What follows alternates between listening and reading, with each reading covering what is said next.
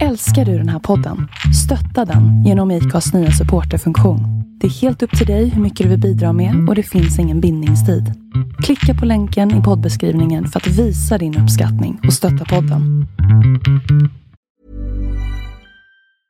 There's never been a faster or easier way to start your weight loss journey than with PlushCare.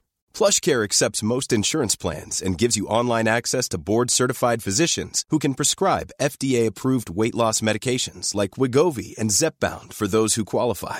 Take charge of your health and speak with a board-certified physician about a weight loss plan that's right for you. Get started today at plushcare.com slash weight loss. That's plushcare.com slash weight loss. plushcare.com slash weight loss. There's never been a faster or easier way to start your weight loss journey than with PlushCare. PlushCare accepts most insurance plans and gives you online access to board-certified physicians who can prescribe FDA-approved weight loss medications like Wigovi and Zepbound for those who qualify. Take charge of your health and speak with a board-certified physician about a weight loss plan that's right for you. Get started today at plushcare.com slash weight loss. That's plushcare.com slash weight loss. plushcare.com slash weight loss.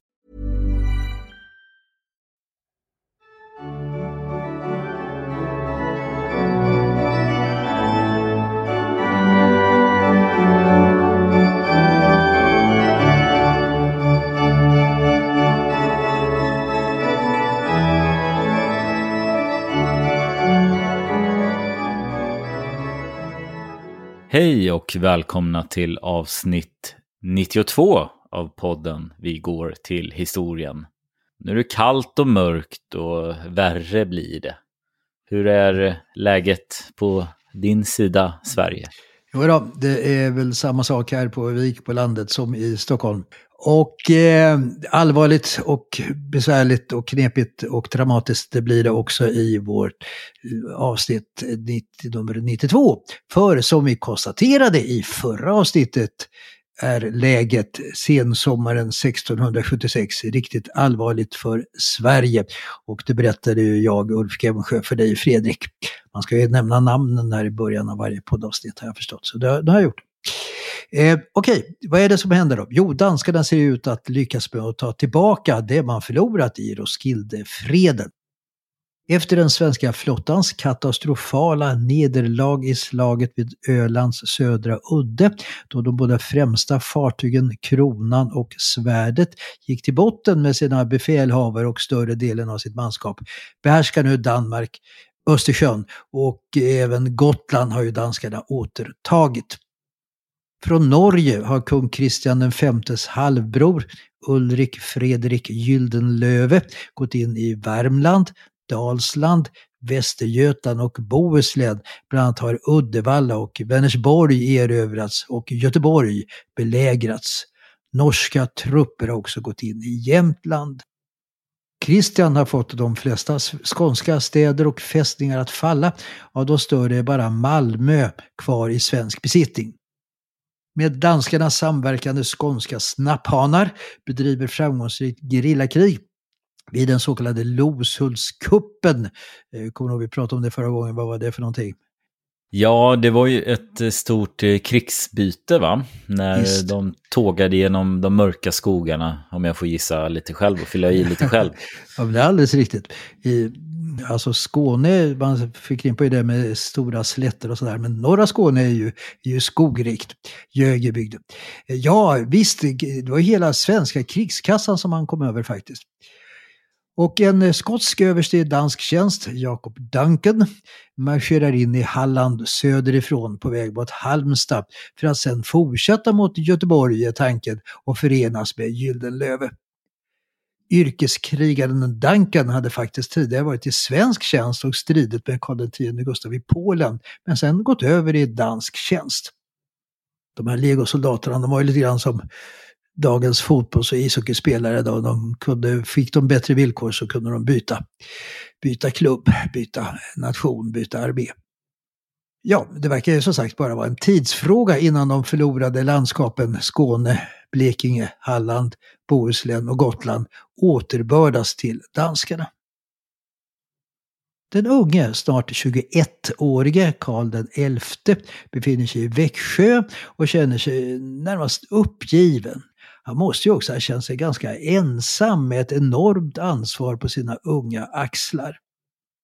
Den gamla generationen med de fem höga riksämbetsmännen, de hade ju i stort sett spelat ut sin roll här Rikskanslern Magnus Gabriel de la Gardie har sina förtjänster, men det är ingen att hålla i handen när det är kriser. Han drar sig då gärna tillbaka till sina många gods och nu är han på sitt största slott, Läckö vid Vänern. Riksmarsken Carl Gustav Wrangel har dött i sitt slott på Rygen. Riksamiralen Gustav Otto Stenbock fick sparken efter misslyckanden med flottan och hans efterträdare Lorenz Kreutz hade gått till botten med regalskeppet Kronan. Riksdrotsen Per Brahe den yngre är gammal och trött. Eh, ja, efter faders död när Karl bara var fyra år gammal så har han ju saknat en fadersgestalt att luta sig mot. Men det blir nu hans främste rådgivare Johan Gyllenstierna som kommer till högkvarteret och ingjuter mod i monarken. Gyllenstierna är dubbelt så gammal som kungen, drygt 40. Och vi har tidigare berättat om hur han modigt stått upp för kungen och ifrågasatt den gamla förmyndarregeringen, varit en motståndare till framförallt de la Gardie. Han är en ganska udda person, stor och kraftig och dominerande. Han kallas för Grås-Jan, alltså Stor-Jan. Drottning Kristina, eh, som inte var så förtjust i honom, hon ersatte S i Gråsa med B och kallade honom Gråbjan, alltså Grobian. Han har ansenliga kroppskrafter, typ den som rätar ut en hästsko med bara händerna. Och under, under festen när han blev upprörd kramade ihop en silverbägare, eh, ja, som vissa idag kramar ihop en ölburk. Karl XI är väldigt fascinerad av honom. Gyllenstierna har, trots den greve han är, inget av ståndsuckfärd eller fina maner. Han lever förhållandevis enkelt, har få tjänare, inte ute efter egen ekonomisk vinning, i sitt uppträdande grov och burdus. Han är oerhört energisk och fattar genomtänkta beslut. Och Gyllenstierna, han övertalar nu Karl att marschera västerut för att möta Duncan innan denne intar Halmstad. Efter alla nederlag, kapitulationer, landförluster och reträtter är det dags att gå till offensiv. Trupperna leds av kungen och fältmarskalk Rutger von Ascheberg. Och även vår gamle bekant generalkvartersmästaren Erik Dahlberg. Vad förknippar du honom med? Mm. Nu är det väl åtminstone tredje gången vi nämner honom så jag borde Jag tänkte ju... du får en chans att svara här nu. Ja. Ja, eh, det var ju, om jag börjar från modern tid, alltså det är ju en gata och sen går man tillbaks lite. Så jag sa någon gång att han var lite konstnärstyp sådär, vilket jag har fel. Men förstås är det ju, det är ju han som eh, låg bakom hela den här tåget över Bält där, att visa Mm. vägen över isarna. Enligt honom själv. Just det, just det, just det. Apropå gata som du nämnde, Gyllenstierna är ju också en gata uppkallad efter sig på Östermalm. Det är väl en av de här gatorna som förbinder Valhallavägen med Karlavägen, eller hur? Övre Östermalm. Mm. Det är ett uttryck man inte hör numera, men ja, det var ju länge sedan Kardemumma skrev sina kåserier i, i svenska. Ja. Eh, Nåväl, eh, men tillbaka här nu. Eh, Ascheberg nämnde jag. Eh, det är en man i 55-årsåldern. Han skulle bli Karl XIs främste fältherre. Som den med beröm smars, sparsmakade kungen också skulle erkänna som sin store läromästare i fält. Ascheberg hade en gedigen bakgrund som militär, varit med redan i 30-åriga kriget, i Karl X Gustavs krig i Polen och på tåget över Bält. Som kuriosa kan nämnas att han med sin tyska fru hade inte mindre än 25 barn. Eh, varav nio dog vid födseln, men alltså 16 levde vidare. I gryningen den 17 augusti har de svenska trupperna efter snabba dagsmarscher i hällande ösregn kommit fram till Fyllebro strax söder om Halmstad där man får kontakt med Duncans danska trupper. Man kan säga att danskarna tas med överraskning. Ascheberg ger order om ett snabbt anfall innan Duncan riktigt kunnat organisera sina styrkor. Och det här är egentligen det första fältslaget under det här kriget. Och båda sidorna har såväl infanteri, kavalleri som artilleri. Och efter bara en timme strider står svenskarna som segrare. Aschebergs offensiva taktik har lyckats. Eh, särskilt framgångsrikt har det svenska kavalleriet varit, även om många hästar bröt benen i den steniga terrängen. Von Ascheberg var illa ute i striden, träffades av flera kulor och sa efter slaget citat Om Gud och mitt harnesk inte skyddat mig hade jag förlorat livet. Där skydda harnes, det finns ju något liknande citat av Gustav II Adolf. Erik Dahlberg, han satte sig som alltid i centrum för vad som sker och berättar att han tre gånger var mitt bland fienden, havandes fiender på alla sidor. Det finns två minnesstenar efter slaget vid Fyllebro, eller slaget vid Halmstad som det också kallas. En traditionell som Karl XIV Johan lät resa med Karl föregångaren den elfte och Ascheberg nämnda. Men också den så kallade Lützowstenen som svenskarna märkligt nog reste över en motståndare, den 25-årige tyske överstelöjtnanten Johan Friedrich von Lützow. Varför? Jo, som ett erkännande över hans tapperhet i striden. Han hade ensam försvarat en bro över Fylleån. Medan hans danska kamrater i panik sprungit därifrån hade han, fast skadad, stått kvar och ensam fällt 17 svenska soldater innan han själv dödades. Och jag vet inte om det här ger dig några associationer, eh, att det här är en dansk motsvarighet till en Mm. Svensk litterär, eh, eh, får du någon tanke här? Som står ensam på en bro och försvarar. Ja, jag, var, jag tänkte ju förstås på eh, det här Sparta direkt och det ja, gänget. Men, ja. men det är det alltså inte. Uh... Ja, det kan man ju tänka sig, absolut. Eller 300 band som försvarar sig mot en enorm övermakt. Ja.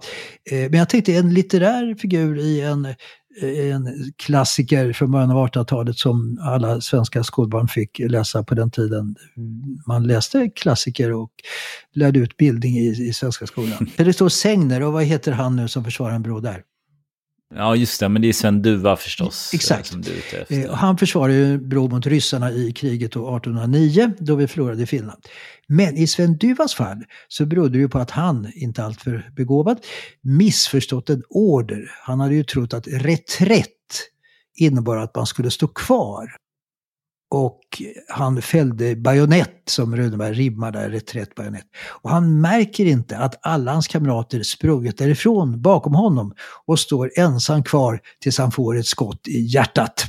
Något som ledde till den finlandssvenske Runebergs bevingade ord. Den kulan visste var den tog. Ett dåligt huvud hade han, men hjärtat, det var gott. Mm.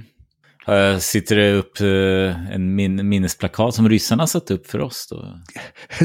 det, det skulle man ju tänka, kunna tänka sig. Men, men ändå om vi går tillbaka, alltså mm. fint ändå att ha en minnes vad ja, minnessten ja, för en, en, motståndare. Absolut. Det, på scenen står det stympad men kämpande föll här den tappre Lützow vid fältslaget den 17 augusti 1676.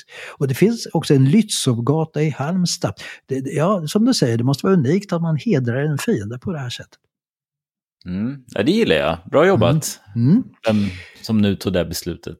Ja, Eh, ja, och helt klart innebär segern en vändpunkt i kriget och kungen skriver till rådet i Stockholm att Gud i sin godhet nu gjort slut på de många olyckor som drabbat landet och att det är citat, en begynnelse att giva våra vapen framgång och seger. Historiker brukar mena att segern var mer av psykologisk än militär betydelse, men jag vet inte, faktum är ju att man faktiskt nu avbröt danskarnas plan att gå mot Göteborg och eh, förenas med Gyldenlövs trupper.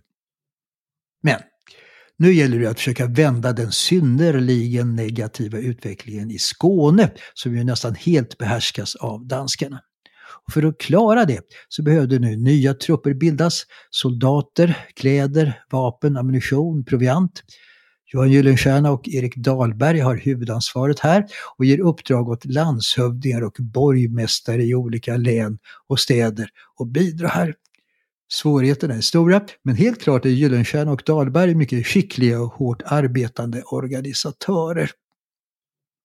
I slutet av september har en förstärkt huvudhär gått i vinterkvarter mellan Helsingborg och Ängelholm.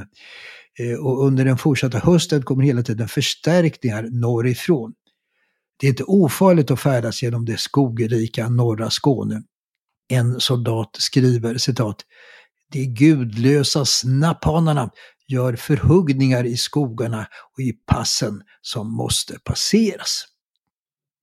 Att gå i vinterkvarter var ju vanligt och Kristian V han har redan dragit sig tillbaka till Köpenhamn för att där invänta vårens återupptagande av kriget. Men Karl XI har andra planer. Han vill nu fortsätta kriget. Varför? Ja, tiden arbetar för danskarna. I det svenska lägret grasserar sjukdomar. Många soldater halvsvälter på grund av att det saknas tillräckligt med proviant. Eh, det gäller att använda armén innan stridsdugligheten försvagas ytterligare. Danskarna å sin sida kan lättare, ohejdade, förstärka sina trupper genom att landsätta förstärkningar och proviant från Öresund. Och dessutom behärskar man större delen av den bördiga och produktiva skånska landsbygden. Skånebönderna är inte villiga att förse svenska trupper med spannmål och kött. Så, under de sista dagarna av oktober bryter Karl XI upp och går mot Helsingborg. Kristian måste nu avbryta sitt vinterkvarter och återvänder till Skåne tillsammans med sin lillebror Jörgen, som gått till historien under namnet Georg. Eh, ja, bakgrunden till det namnbytet är att han efter skånska kriget skulle gifta sig med den engelska prinsessan Anna. Hon blir så småningom drottning efter sin barnlösa systers och svågers död. Det är Storbritannien, Storbritanniens första regent, alltså sen England och Skottland förenas och man börjar använda uttrycket Storbritannien. Man kan väl säga att den danske prins hade samma roll som eh, vår drottning Elisabets prins Philip i våra dagar. Eh, han ansågs inte särskilt intelligent. Hans svärfar Jakob II sammanfattade honom som följer. I have tried him drunk and I have tried him sober and there is nothing in him. Det var lite ned, nedsättande, nedslående. Mm, taskigt. Jag trodde det skulle vara uh, testat honom full och testat honom nykter och jag ser ingen skillnad eller något sånt. det är lite roligare. Ja, det kanske, ja absolut. Det kan, resultatet var det kanske detsamma. Ja, menar. Ja, vi, vi, vi kan återkomma här till, till, till de här. Helsingborgs försvar är i dåligt skick och staden intas av de svenska trupperna. Och som hämnd för att Helsingborgs invånare släppt in danskarna plundras staden grundligt. Läget i det svenska lägret är minst sagt prekärt. Man saknar mat till soldaterna, foder till hästarna, vatten till både soldater och hästar. Höstvädret nu i början på november är det sämsta tänkbara. Det regnar oupphörligen. Marken är en lervälling. Tälten räcker inte till eh, för allt manskap. Många tvingas sova eh, direkt på den gyttja marken i genomsura kläder. Eh, sjukdomar bryter ut. Fältsjuka pratar man om. Det det är ett sammanfattande namn för olika magsjukdomar som dysenteri och andra. Eh, alltså, det var ju så att, eh, som du vet, sjukdomar och svält orsakar ju på den här tiden väsentligt fler soldatliv än fiendens kulor och värjor. Och på marken och i dikena ligger högar av lik som inte hinner begravas. Karl XI fattar då beslutet att det är bättre att sätta armén i rörelse. Så man bryter upp och går inåt landet ner mot Lund. Danska armén gör samma sak och båda trupperna slår nu läger. Danskarna nordost om Lund, svenskarna nordväst om staden vid Lilla Harrie. Bara cirka fem kilometer mellan lägren rinner den ganska breda Kävlingeån. Så, nu har vi gett bakgrunden till ett av den svenska historiens allra mest kända slag vid sidan av Lützen och Poltava. Slaget vid Lund. Jag vet inte, tror du att dagens skolbarn, är, är de sådär självklart bekanta ens med Lützen och Poltava och Lund och så? Vad tror du? Jag har väldigt dålig insyn i vad ungdomarna gör, vet och kan idag tyvärr. Mm. Ja, dina barn är ju lite för små än, det får se. Jag kan ju läste... fråga mm, sjuåringen om han kan Lützen. Ja, Tveksamt. Borde, han borde ha lyssnat på pappans och, och farfars podd om inte annat. Han, han kunde ju påsk och det, det, det har inte jag lärt honom. Alltså, nej, Jesus ja, dog och sådär ja, på det, korset. Ja, det finns ju visst hopp.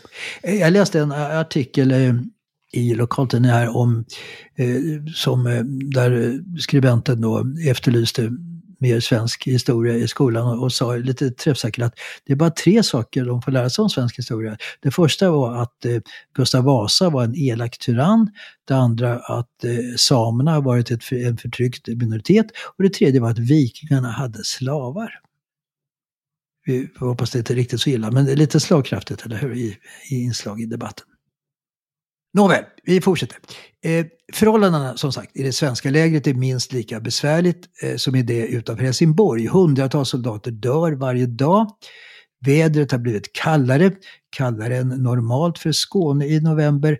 Första snön har fallit, marken har frusit, så man kan inte begrava alla döda utan de staplas i högar på närbelägna kyrkogårdar. There's never been a faster or easier way to start your weight loss journey than with PlushCare. PlushCare accepts most insurance plans and gives you online access to board-certified physicians who can prescribe FDA-approved weight loss medications like Wigovi and Zepbound for those who qualify. Take charge of your health and speak with a board-certified physician about a weight loss plan that's right for you. Get started today at plushcare.com slash weight loss. That's plushcare.com slash weight loss. plushcare.com slash weight loss. Hey, it's Ryan Reynolds, and I'm here with Keith, co-star of my upcoming film, If, only in theaters May 17th. Do you want to tell people the big news? All right, I'll do it. Sign up now and you'll get unlimited for $15 a month in six months of Paramount Plus Essential Plan on us. Mintmobile.com slash switch. Upfront payment of $45 equivalent to $15 per month. Unlimited over 40 gigabytes per month. Face lower speeds. Videos at 480p. Active Mint customers by 531.24 get six months of Paramount Plus Essential Plan. Auto renews after six months. Offer ends May 31st, 2024. Separate Paramount Plus registration required. Terms and conditions apply if rated PG. Hiring for your small business? If you're not looking for professionals on LinkedIn, you're looking in the wrong place. That's like looking for your car keys in a fish tank. LinkedIn helps you hire professionals you can't find anywhere else, even those who aren't actively searching for a new job but might be open to the perfect role. In a given month, over 70% of LinkedIn users don't even visit other leading job sites. So start looking in the right place. With LinkedIn, you can hire professionals like a professional. Post your free job on linkedin.com slash people today. När den svenska armén var som störst före anfallet mot Helsingborg hade man cirka 15 000 man. Nu var man nere i cirka 8 000. Den danska armén var väsentligt större, omkring 13 000 man, och hade betydligt bättre förutsättningar när det gällde inkvartering, tillgång på mat och foder och bättre utrustning. Man kunde också via den starkaste befästningen, Landskrona, hela tiden få förstärkningar av alla slag. Hur tänker nu den unge kungen om den närmaste framtiden? Eh, att gå till anfall mot en överlägsen fiende är ju inte lockande. Men att stanna kvar i lägret med en för varje dag decimerad armé är ju inte heller en gynnsam möjlighet. Ett tredje alternativ är att dra sig tillbaka norrut mot Småland. Men det skulle innebära att expeditionen i Skåne misslyckats. Eh, danskarna behåller kontrollen över landskapet. Den svenska armén har kraftigt decimerats. Ja, eh, Fredrik, eh, om du vore Karl XI och hade de här tre alternativen, alltså gå till anfall mot en överlägsen fiende, eh, eller att eh, eh, dra sig tillbaka norrut mot Småland eller att stanna kvar i läget. Vilket skulle du välja? Uh, ja, men han går och säger att han... Nej, men vänta här nu. Han, det, det är klart han går till anfall. Han går till anfall. ja, det är riktigt. Han väljer, han väljer att gå till attack. Och, för, och för att kunna lyckas så måste man satsa på ett överraskningsanfall. Eh, danskarna trodde att svenskarna gått i vinterkvarter. Eh, eh, och det gäller också att inleda anfallet då från ett så gynnsamt geografiskt läge som möjligt. Kungen, Ascheberg och Dahlberg rekognoserar terrängen. Den 3 december samlas man till en gudstjänst under ledning av Haklin Spegel, fältprästen som senare skulle bli biskop i Linköping och ärkebiskop. Stämningen är ödesmättad. Man tar nattvarden och skriver brev hem. Alla inser att man kanske aldrig ska återse sina kära. Kungen skriver till mamma, Hedvig Eleonora, att det handlar om att segra eller dö. Skulle han dö vill han bli begravd i Riddarholmskyrkan. Enigheten är total bland alla officerare. Man menar att ett djärvt anfall är enda möjligheten. Och som fältrop väljer man med Guds hjälp. Anfallet inleds på ett sätt som för tankarna 18 år tillbaka i tiden med samma förutsättningar och samma organisatör. Det, som vi nämnde, kalla vädret har lett till att Kävlingeån frusit. Erik Dahlberg, som ju, som du nämnde, mätt isen vid tåget över Bält, mäter nu isen på Kävlingeån och bedömer att den är tillräckligt tjock för att hålla en transport av de svenska styrkorna. På natten den 4 december klockan halv två inleds överfarten av ån. Det är fullmåne, vilket förstås underlättar, men samtidigt innebär en ökad risk för upptäckt. Men när man börjat anträda isen går månen i moln och man får gå vidare i becksvart decembernattsmörker. Isen knakar, men håller. Alla, med kungen i spetsen, har gått av och leder sin häst. Danskarna upptäcker inte svenskarna, men när man ska gå till överraskningsattack hindras man i sin framfart av många diken, jordvallar och stengärdsgårdar. Gryningen är också på väg. Man vågar därför inte att gå till samlad attack mot den, som vi sa då, större, betydligt större, danska armén. Överraskningsmomentet håller på att gå förlorat. Istället bestämmer man sig för att marschera rakt söderut mot Lund för att komma i besittning av de höjder som finns nordväst om stan för att få strategiskt värdefulla positioner. Danskarna upptäcker nu vart svenskarna är på väg och stormar mot samma mål. En kapplöpning inleds som slutar med att trupperna vid halv nio-tiden på förmiddagen får stridskontakt. Våldsamma strider utbryter med anfall och motanfall. Den danske överbefälhavaren Karl von Arenstorff blir svårt sårad och avlider av skadorna, något som skapar en tillfällig förvirring och oordning i de danska leden. Det blir nu en våldsam kamp mellan elitregementen på båda sidor. Karl XIs häst, Totten, får en kula mitt i pannan och dör. Den svenske kungen byter då till den vita hästen Briljant, en gåva från den franske kungen Ludvig XIV. Svenskarna leds av kungen, överbefälhavaren Simon Grundell Helmfelt von Ascheberg och livregementets ledare Nils Bjelke och de danska elittrupperna av bröderna Kristian V och prins Jörgen som några år senare skulle bli prins Georg. Den nu 21-årige kungen är oerhört taggad han vill hela tiden med dödsförakt gå till offensiv och måste hållas tillbaka av Ascheberg. Vid ett tillfälle hamnar kungen, utan att märka det, mitt bland danska soldater och beordrar en dansk trumslagare och ger order om anfall. Och den danske trumslagaren han lyder och eh, får fram eh, på sin trumma en, en, en, en, en, en anfallsorder. Det är ganska komiskt, eller hur? Mm. Frågan är om det var smart strategiskt eh, eller oklokt då för danskarna. Eh, kanske kungen eh, eh att, eh, gjorde en strategisk vinst där. Ja, ja, så kan det ha varit. Alltså det här med att man, man kommer bort sig bland andra. Det, det, förklaringen är att trupperna hade ju inte enhetliga uniformer. Så, alltså sådana situationer kunde uppstå. Det gemensamma kännetecknet för de svenska soldaterna det var att de hade halmknippen i hattarna. Bara det. Eh, och kungen kunde i sista stund komma undan och ansluta till sina egna trupper. Många offer krävs på båda sidor, både av soldater och officerare. Det ser ut ett tag som danskarna skulle få övertaget, men den enhet som fällde avgörandet det var livregementet under Nils Bjelke som tvingade den danska vänsterflygeln på reträtt. Några av danskarnas främsta officerare stupar och efter ungefär en timme strider är striden avgjord. Kavallerierna på de båda sidorna har olika stridsteknik. Danskarna rider fram, avlossar sina pistoler och vänder sedan tillbaka för att ladda om. Det svenska kavalleriet tillämpar en annan teknik alltsedan Gustav II Adolfs dagar. Efter att ha avlossat sina pistoler vänder de inte tillbaka utan fortsätter framåt och bryter in med sina svärd. Pistolerna avlossas inte förrän man kommer nära fienden. Och här har vi ett berömt bevingat uttryck från 30 krigets fältare Johan Baner.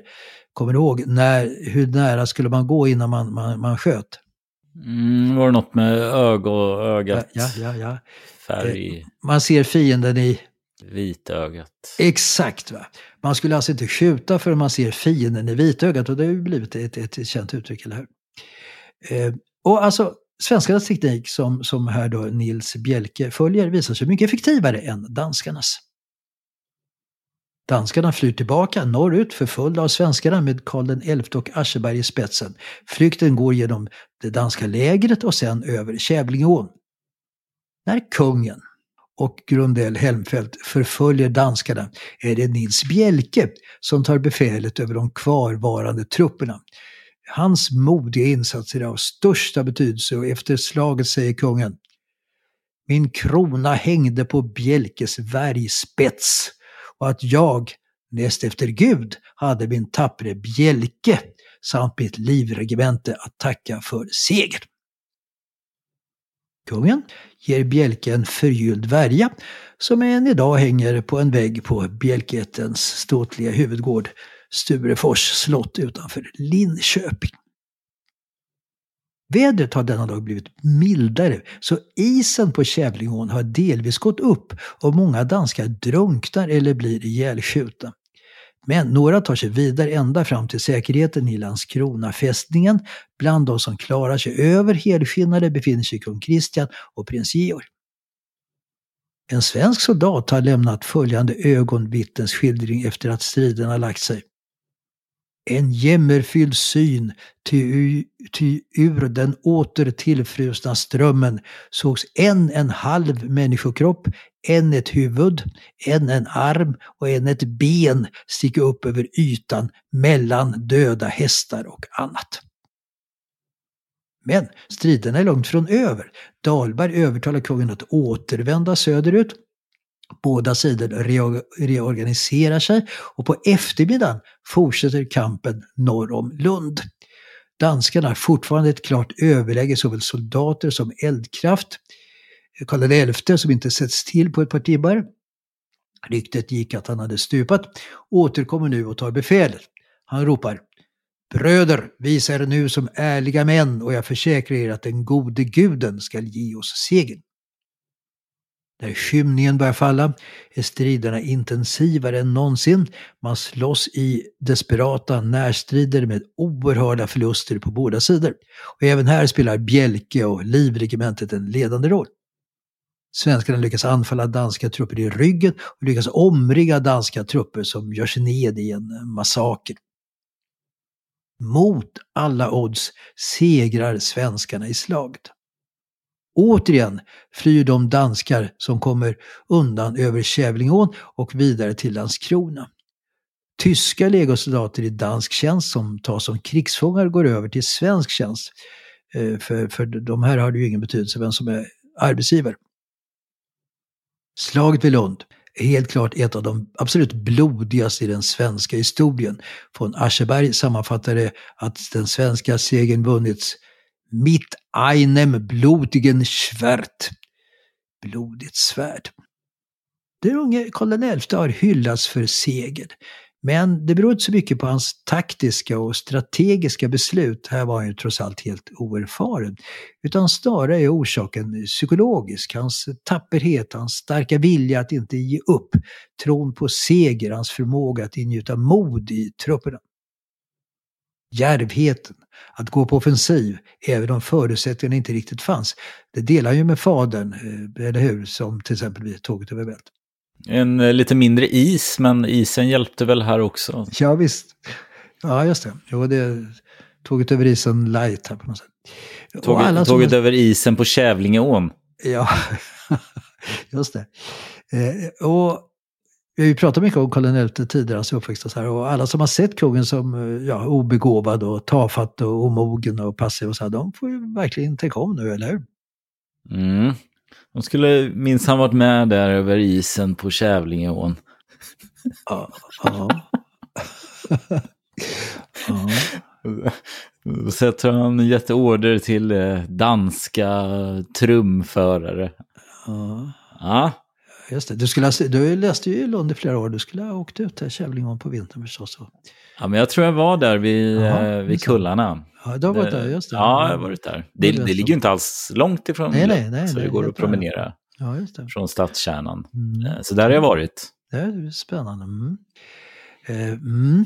I David Klöcker Ehrenstrahls berömda ryttartavla målad sex år efter slaget vid Lund har kungen samma kläder som under slaget, till och med halmknippet i hatten finns med och han rider på hästen Briljant. Eh, tavlan, den mest berömda visande Karl XI. Eh, du får försöka få tag i den kanske och illustrera den till, till det här avsnittet. Eh, alltså det finns väl bara porträtt av Karl XI, eh, de flesta från hans barndom. Då. Eh, men, men det här är det mest kända, det utstrålar verkligen kraft och mod.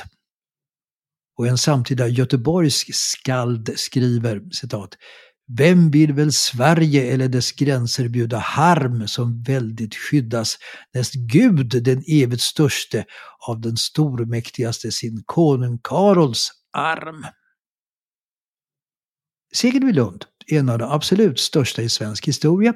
Den innebär inte slut på kriget, men en vändpunkt som inletts med segern vid Halmstad.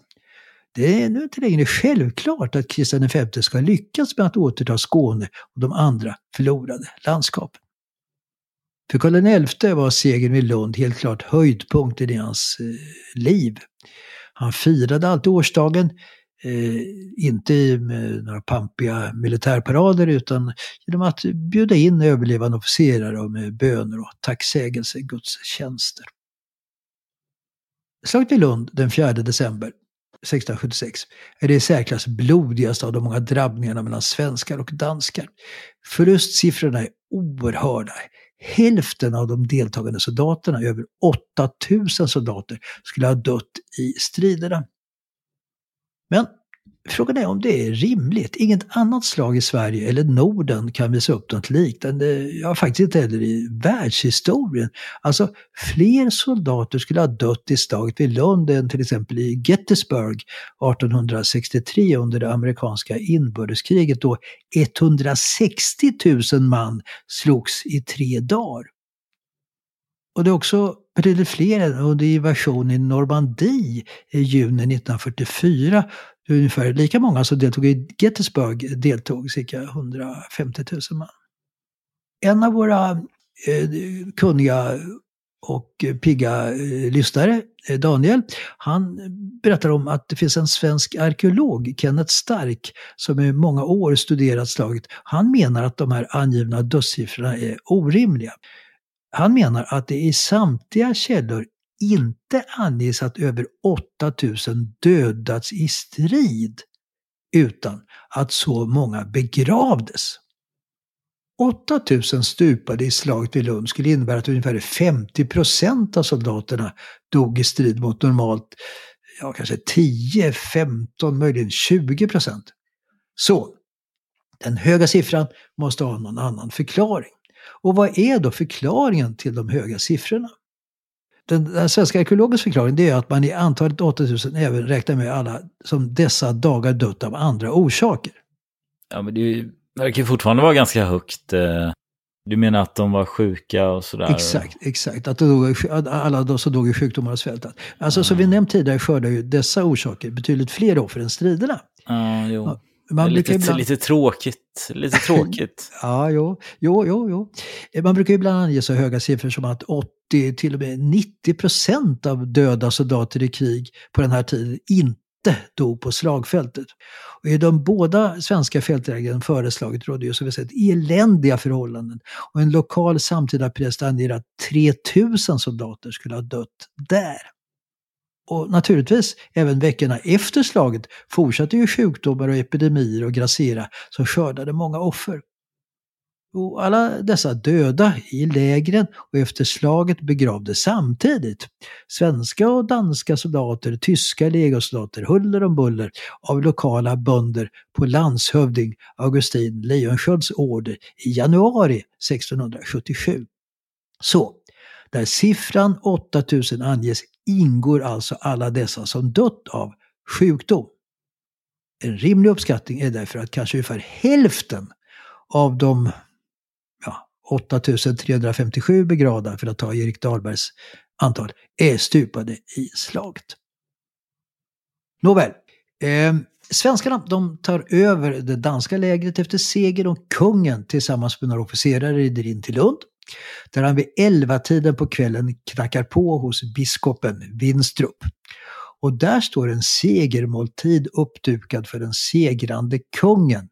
Men den neutrale Lundabiskopen kunde ju inte veta vilken kung som skulle segra, så han var öppen för att ta emot eh, Kristian eller Karl. Den danskvänliga biskopinnan hade dock väntat sig att Kristian den femte skulle komma. Och när de får reda på att det istället blir den svenska kungen så lär hon ha bytt ut menyn mot en enklare och likaså vinet. Eh, jag vet inte, hon kanske bytte från Amarone till något billigt lådvin. Mm, från Carlsberg till eh, Åbro. det också ja. Just det. Och själv gömmer de sig på vinden när Karl kommer. Från eh, gammeldansk till... Eh, Skåne! Ha Hallands fläder. Ja, det är ännu bättre. Ja, det, det, är, ju, det, är, det är verkligen en rolig anekdot det där. Och, Nej, vänta, vänta. Från... Eh, Eh, röd korv till falukorv. det här kan man ju spinna länge på. Ja. Från smörrebröd till tekaka. Ja, perfekt. Det är snabbt mm. tänkt. Ja. Ja. ja. Oh, kul. Ja. Så var det nog. Eh, mm, eh, hade du varit med på den här tiden hade du kunnat ge en massa värdefulla tips. Här. Eh, det, det, finns en, en, liknande, liknande rolig skröna här, eh, nämligen att efter två, när jag säger nu skröna menar jag inte att det här är påhittat utan det här är ju vad som hände. Eh, efter två nätter hos biskopen flyttar Karl på morgonen den 6 december till Svenstorps slott som ligger nordväst om Lund. Där residerar Mette Rosenkrans som tidigare huserat Kristian den femte som hade övernattat där senast natten före slaget. Och Mette Rosenkrantz, hon har räknat med att den danske kungen nu skulle komma tillbaka och ta sitt rum i besittning. Men Kristian har ju dragit till Landskrona och istället kommer nu den svenske kungen till den danska adelskvinnans slott och flyttar in i samma rum där sängen var bäddad för den danske kungen. Ja, här gäller det att vara flexibel, vilket Mette Rosenkrantz tydligen lyckades med. Och det här rummet, eh, kungarummet, ser likadant ut idag. Och på väggen kan man återse porträtt av båda monarkerna. Så här håller man en neutral hållning. Ja, vad händer nu? Ska Karl XI gå till fortsatt offensiv? Eh, fast det är nu mitt i vintern. Ja, Eh, det kommer vi berätta om i nästa avsnitt om två veckor. Mm. Ja, men det ser jag fram emot.